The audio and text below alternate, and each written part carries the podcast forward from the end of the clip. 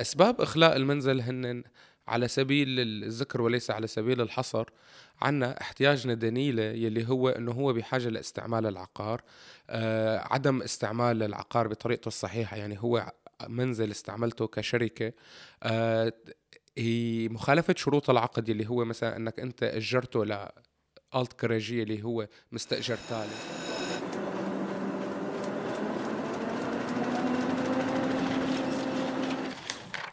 عنب بلدي. بودكاست.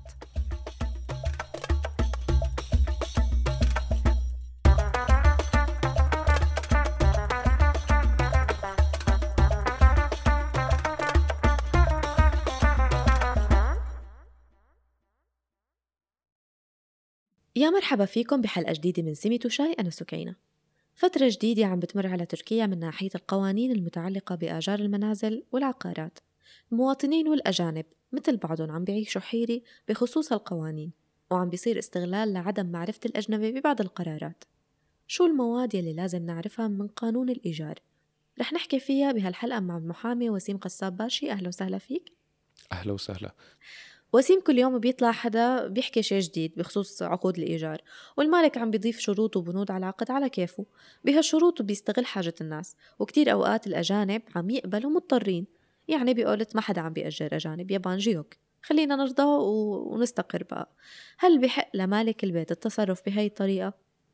هلا أول شيء ممنوع بالقانون الجزائي التركي إنه يقول إنه أنا ما بعطي أجانب. يعني نحن إذا حسنا نثبت على شخص إنه هو ما بيرضى يأجر أجانب أو يقول بشكل صريح إنه ما بدي أجانب بال منزل تبعي أو بالعقار تبعي فهذا الشيء فينا نرفع عليه شكاية عند المدعي العام وتتحول ل إهانة أو تحقير يعني بهذا الشيء. ثاني شغلة العقود الإيجار بتركيا هي عقود تقسم إلى نوعين، قسم محدود المدة وقسم مفتوح المدة قسم المحدود المدة يلي هو بيجي بآخره ورقة تخلية أو التحلية إخلاء. هي الورقة معناتها أنه أنا بدي أستأجر من هاي الفترة لهي الفترة وهي هذا العقد غير قابل للتمديد أو التجديد مم. أما بالنسبة للعقود هذا العادية شيء قانوني يعني. طبعا هذا الشيء قانوني وهذا بروتوكول بيتم الاتفاق عليه مثل العقد شريعة المتعاقدين اتفق الطرفين أنه نحن يكون فترة الإيجار من تاريخ كذا لتاريخ كذا وبيتعهد صاحب عفوا بيتعهد المستأجر أنه أنا ما رح جدد هذا العقد. بهي الحالة بنهايتها مع الأسف رح بيطلعه ويفتح عقد جديد معه بالتكاليف الجديدة يعني بقيمة الإيجار. يعني حدا مثلا آه، كان مستأجر بألف بده صاحب الإيجار 10000 هذا عقد جديد وهو حر بماله أما بالنسبة للعقود اللي فيها عقود إخلاء فهي belirsiz sözleşmesi اللي هي عقود غير محددة. معناتها أنه هذا العقد بيجدد حاله من تلقاء نفسه وبيحق له بالزيادة السنوية فقط اللي بتحددها الدولة. ما بيحق للمالك يزيد عليها والتحويل بيكون دائما عن طريق البنك. أنا دائما بذكر إنه التحويل إما عن طريق البنك أو عن طريق ال PTT. أما باليد إذا ما كان في إيصال فهذا الشيء ممنوع أصلا التحويل.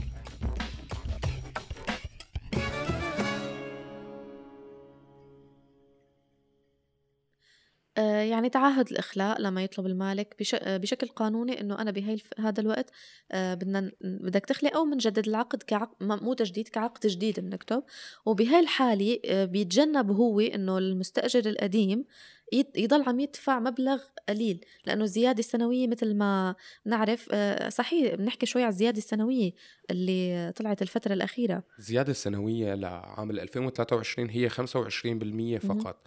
ما بيحد للمالك بدأ تطبيقها ببدايه بدأ تطبيقها بال 2023 تمام؟ تتم لل 2022 بدون ما يحدث عليها أي تعديلات. خلينا نقول قبل شوي أنت وضحتي شغلة. لما نحن بنوقع على ورقة إخلاء بالإضافة لعقد الإيجار معناتها إنه هذا عقد غير قابل للتجديد وليس إنه معناتها بيتجدد ب رقم مختلف تمام؟ معناتها إنه أنت أنا ما بدي استاجره غير هاي الفترة المعينة. أما لما أنت بتوقع عقد إيجار من حاله فهو الزياده السنوية لمدة خمس سنوات. بعد خمس سنوات بحق للمالك يرفع دعوة ثانية اسمها أجر المثل. بيشوفوا هن قديش صارت قيمة العقارات بهالمنطقة بيقيموا. وبيقيموا بناء عليه بيرفع الإيجار. يعني تغيير الثمن. بدها دعوة قضائية طبعا. ما بتصير من حاله إنه والله أنا ارتقيت إنه صار لازم قيمة الإيجار تكون 12000 فالعقود يلي صار لها خمس سنوات تتحدد بهي الطريقة. أما العقود يلي ذات مدة محدودة أصلا غير قابلة للتجديد إلا بعقد واتفاق جديدين. وبالنسبة للعقود يلي صار لها أكثر من خمس سنين فهي بتفتح خمس سنين تانية وما في أي مشكلة عليها. طيب في المالك هالفترة بما أنه الأجارات عم بتزيد أو قيمة الأجارات عم بتزيد ماديا يعني آه، المالك عم بيحاول يضغط على المستأجر القديم وكتير حالات شفناها بصراحة وعشناها آه، لأنه الأجارات إنه بده ياخ يجيب مستأجر جديد رح يدفع له أكيد يمكن الضعف أو أكثر فأنا رح أضغط على هذا المستأجر القديم لأنه مثل ما قلت العقد بيتجدد تلقائيا وما حاطط شرط الإخلاء بالعقد. ف أنا بدي أضغط عليه بأي طريقة لحتى يطلع و جيب مستأجر جديد يدفع لي هذا المبلغ. ولكن مع العلم إنه بيطلب من المستأجر القديم يرفع هذا المبلغ أو يدفع مبلغ آه، كبير اللي هو ممكن يأجره جديد بهذا المبلغ آه، إنه يا أما بتطلع. فهل هذا الشيء قانوني؟ إذا صار وحدا تعرض لهي الحالة مباشرة بيضل عم بيحول عن طريق البنك الزيادة العادية وبيقول له للمالك روح تقدم بدعوى للمحاكم التركية. بتروح المحاكم التركية بترفع دعوى بتلاقي إنه هو صح ما له صاحب حق. لما بيصير هاي الحالة إنه هو ما له صاحب حق رح يخسر الدعوة ويعطيك تعويضاتك ويدفع لك تكاليف المحامي تبعك. وحتضل بالبيت. طبعا حتضل بالبيت. حيضل بالبيت؟ لا ما هذا هذا أسباب إخلاء المنزل هن على سبيل الذكر وليس على سبيل الحصر عنا احتياجنا دنيلة يلي هو إنه هو بحاجة لاستعمال العقار آه عدم استعمال العقار بطريقته الصحيحة. يعني هو منزل استعملته كشركة آه هي مخالفة شروط العقد اللي هو مثلا إنك أنت أجرته الت كراجيه اللي هو مستأجر ثالث. آه زيادة الأعداد يلي موجودة بالمنزل عن الشيء المتفق عليه. يعني مثلا نحن مستأجرين على أساس إنه خمس أشخاص بدنا نقعد.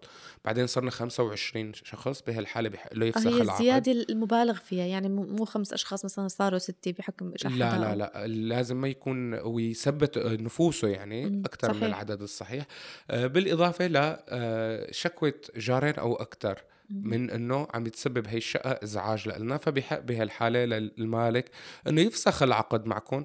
ويأجر حدا غيركم هدول الحالات بس اللي موجودة بالقانون لحتى يتم طب إذا اتفق مع الجيران إنه تعا تعوا اشتكوا عليه مثلا. مع الأسف عم بتصير. أه. فبهالحالة هو بده يجيب كمان جيران تانيين يقولوا إنه لا هذا الصوت مو من عند هذا الشخص. مه. كتير شغلات عم بتصير لأنه بصراحة أصحاب العقارات آه، ما كلهم بيخافوا من رب العالمين وعم بيصير في تخبيص كتير. وكتار اللي خسروا الدعاوي. هلأ الحكومة التركية عم تقترح إنه ابتداء من الشهر الجاي لما بتصير أي مشكلة بموضوع عقود الإيجار تتحول تحول للارابوجولوك أو الارابتيشن باللغة الإنجليزية اللي هو التحكيم باللغة العربيه يعني آه، بدل ما نتجه على المحكمة بنروح على المحامي محكم وهذا المحامي بيشوف إنه هل الأسباب حقيقية لاخلاءه من العقار ولا لا. إذا ما كانت أسباب الحقيقيه للاخلاء حقيقية فبيضل المستأجر بالبيت. وإذا كان صاحب العقار معه حق فممكن إنه يتقدموا بقى لمحكمة ومن المحكمة بيتم عملية الاخلاء طبعا بتاخذ هيك نوع من الدعاوي تقريبا ست شهور لثمان شهور بالإضافة لأنه بدك تحطي فترة تأخير كونه هلأ كميات هائلة من البيوت عم ترفع فيها هي الدعاوي. معناتها الإخلاء آه، يعني حتى ورقة توقيع ورقة الإخلاء تتضمن هاي الفترة؟ يعني نحن وقعنا ورقة إنه نخلي بعد سنة مثلا فهل معنا فترة ست شهور خلينا نقول نخلي؟ نحن الورقة تبعنا مذكور فيها إنه أنا بدي أخلي بواحد اثنين 2023 صارت المدة. تمام؟ اجى الشخص قال إنه بموجب ورقة الإخلاء بدك تخلي المنزل أو بدك تزيد الإيجار. مم. تمام؟ ما بيحق له يقول بدك تزيد الإيجار بيقول لك بدك تخلي المنزل ونعمل عقد جديد. بهالحالة هو حيتجه على المحكمة بينما تخلص إجراءات المحكمة فيكم تقعدوا بالبيت وتدفعوا الإيجار بعد منها بيتم المغادرة. ولكن مم. هو بيطالب بتعويض إنه مثلا أنتم تعهدتوا بإخلاء المنزل بهذا التاريخ فأنا بدي الإيجار بالإضافة لتعويض بسيط يكون عند بعد زيادة الإخلاء. فأنا بنصح أي حدا مثلا آه، بيقول له أنا ما بأجرك إلا لحتى توقع على ورقة إخلاء قال له لا تأجرني أصلا. يعني أنت مالك مصلحة أصلا شو هذا العقد يلي حيبلش آه، فترة معينة بس. صحيح ما رح يتجدد من تلقاء نفسه وهذا الشيء بيسبب يعني صحيح. الا إذا كان عندك استعداد بصير. إنك تنتقل بعد هاي الفترة. آه غير إنه ننتقل في ديبوزيت رح ندفعه ب... ب... على... على أي إيجار جديد رح نستأجره. يعني في مبلغ كبير رح ينحط يمكن ما نكون جاهزين دائما بهاي بشكل عام لما نستأجر العقار بيكون عندنا ثلاث دفعات. الدفعة تبع الدفعة الأولى من قيمة الإيجار بالإضافة كوميشن المكتب العقاري بالإضافة للتأمين. التأمين طبعا بيرجع لأنه آه، التأمين فعليا ان إحنا بنسترجعه عن طريق الإجراء محكمة. الإجراء محكمة أو الإجراء دايرسي هي عبارة عن آه، مكاتب مختصة موجودة بقلب المحاكم. شغلتهم إذا في خلاف مادي يتم الاسترجاع عن طريقه اكتشفت إنه في كتير ناس من العالم اللي خرجت من بيوتها ما استرجعت ال deposit تبعها بحجة إنه البيت بده دهان. القانون بيقول إنه أنت مثل ما استلمت البيت بدك ترجعه تمام بس في شغلات أنت مانك مسؤول عنها مهم. رطوبة صحيح. المنزل أنت مانك مسؤول عنها صحيح. المشاكل يلي بتخص أساسات المنزل أنت مانك مسؤول عنها. أنت فيك تقعد بالبيت باستعمالك كأنك صاحبه فالهريان يلي بيصير بالمنزل بما يتناسب مع الاستعمال الشخص الطبيعي هذا الشيء حقه حقك لك تمام؟ بيرجع لك ال deposit كامل. في حال امتنع عن هذا الموضوع إما بتتوجه لمحامي واما بتتوجه لل icra dairesi وبتطلب مباشرة إنه أنا بموجب هذا العقد أنا دافع deposit هلأ بدي إياه يرجع وبتسترجعه مع غرامات التأخير تبعه والفوائد.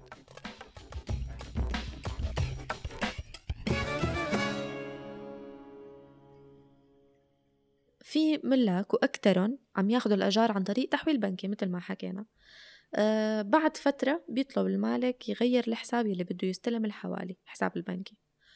هالشي عادي ولا نحن لازم نبقى ملتزمين بالحساب يلي بالعقد؟ بالقانون آه، دفع الإيجار إما بإيصال رسمي إذا كان باليد وإما تحويل عن طريق البنك وإما تحويل عن طريق البريد. لما نحن متفقين آه، على عقد الإيجار إنه نحن يتم التحويل لهذا الرقم الحساب لما بيصير في تغيير عليه بناخذ النسختين لعند المالك المالك بيكتب بخط إيده. عم. ذكر أنا؟ مهم. بخط إيد أو المالك. وكيل عنه. أو وكيل عنه يكتب الرقم لحساب البنك الجديد ويكتب فيه الآلية يلي رح بيصير فيها السداد. آه ويوقع تحت منها مباشرة ساعتها أنت ضمنت حالك حتى لو كان عم يتحول لشخص غريب فبهالحالة بيكون التحويل نظامي. طب ممكن تشرح لنا القانون اللي بيتعلق بضبط الزيادة السنوية بحسب ما بتحددها الحكومة التركية وإمتى بدأ تطبيقه؟ بكل عام سنوي جديد عام ميلادي الدولة بتحسب قيمة التضخم للقيمة العقارية وبناء عليه بتحدد قيمة طبعا هذا الشيء بيخص الموضوع السكني فقط. أما التجاري فبيصير حسابه على قيمة شهرية مثلا لشهر شباط كان التضخم 85% فالعقود اللي انتهت بشهر شباط كان التضخم زيادة السعر فيها 85% مهم. بالنسبة للتجاري وليس للسكني. آه، وبيتم بنفس الآلية ولكن هن بصيغة سنوية للعقارات السكنية أما التجارية فبشكل شهري. هلا بشكل عام وزارة الداخلية عم تقترح إنه يتم تثبيت عقود الإيجار عن طريق الإي دولت أو عن. طريق النوتر حصرا مشان يضمن كل من المالك والمستأجر ومديرية الضرائب التحصيل الضريبي يعني نحن لما بدنا نصير نأجر آه، بيتنا بدنا نروح نكتب العقد عند كاتب العدل وليس عند املكجي أو عن طريق الإي دولت حصرا وإنما ما بيصير إنه نحن نأجره بشكل هيك عفوي وبيتسجل بسعره الحقيقي مشان يتم اقتصاص الضريبة ضريبة الاستوباج من المستأجر وضريبة الربح من المالك. وفي حال ما التزم المالك بهذا القانون؟ بالوقت الراهن ما حدد القانون آلية تطبيق فعليا لهذا الشيء ولكن مجرد تبدأ عقود الإيجار تطبق بشكل الحقيقي تنزل لوائح بتخصص إنه في حال ما التزم واحد من هدول الأشخاص بهذا الشيء العقود اللي رح بتكون عند ال noter حتكون أكيد belirsiz إلا إذا أنت حابب تتعهد من تلقاء نفسك. إن أنا بدي أخلي بهذا. الوقت وبهذا التاريخ طب خلينا نحكي في حال الم- مالك البيت على البيت وقال أنا هلأ بدي أخلي البيت. كتير صارت هاي الحادثة وترددت بالفترات الأخيرة وخصوصا بمنطقتين الفاتح وإسنيورت صحيح. هلأ لما بيتعرض شخص بهي الحالة مباشرة أنا بطلب آه، من الموجودين بقلب البيت يفتحوا كاميرات موبايلاتهم ويصوروا ويتصلوا على ال 112 مباشرة تجي دورية شرطة بتاخذهم تكتبهم تعهد عدم تعرض. وفي حال تعرضتوا لأي مشكلة أو لجرح أو مثلا تعرض الباب لخدوش ممكن أنها تصل لاختراق حرمة منزل اللي فيه سجن سنتين إلى خمس سنوات. يعني هذا الشيء بيتحاسب عليه لو إنه هو مالك البيت جدا خرق حرمة منزل من العقوبات المشددة وخصوصا إذا كانت الأشخاص اللي إجوا أكثر من ثلاثة فهذا يعتبر جروب يعني عصابة مهم. فعلا هذا الشيء عم بيتكرر مع الأسف ولكن أغلب الناس ما عم تشتكي عم بتخاف من عم موضوع بتخاف. الترحيل أو صحيح. من الموضوع إبطال الكملك ولكن لما أنتم بتمارسوا حقوقكم بشكل طبيعي أنتم بتمنعوا هذا الشيء عن الآخرين مهم. يعني مجرد صار هذا الموضوع ثلاثة أربعة يشتكوا بعمره ما عاد حدا يسترجي يعملها وفي حال اتصل صاحب البيت يهدد مثل ما صار معنا ومع كتير عالم. آه، إنه يا بتطلعوا يا أما آه، أنا بتصرف بالطريقة مباشرة اللي بتاخطروا إنه هي حيتم تسجيل المكالمة رح بيتم تسجيل المكالمة فهو أصلا حيصعد بالموضوع. بعد منها بتسجلوا المكالمة وبتقدموها للمدعي العام بأقرب محكمة لكم أو بمخفر الشرطة. وبهي الحالة بيتحاسب كتهديد. بيتحاسب طبعا كتهديد وبيتدفع غرامة وعقوبة كاملة. طيب شكرا لك على هاي المعلومات وسيم دائما هيك مستضيفينك معنا ودائما تعطينا معلومات مفيدة. أهلا وسهلا ومرحبا. تحياتي للجميع. هون بنكون وصلنا لنهاية حلقتنا عن عقود الآجار والقوانين المتعلقة بالآجار بتركيا. بتمنى تكونوا استفدتوا. إذا عندكم أي سؤال أو اقتراح بيتعلق بعقود الآجار بتركيا فيكم تتركوا مقترحاتكم على صفحات عنب بلدي على فيسبوك إنستغرام وتويتر. فيكم تسمعوا كل حلقات سيميت وشاي على أبل بودكاست جوجل بودكاست ساوند كلاود ستيتشر وأنغامي. كنت معكم أنا سكينة المهدي من عنب بلدي بودكاست.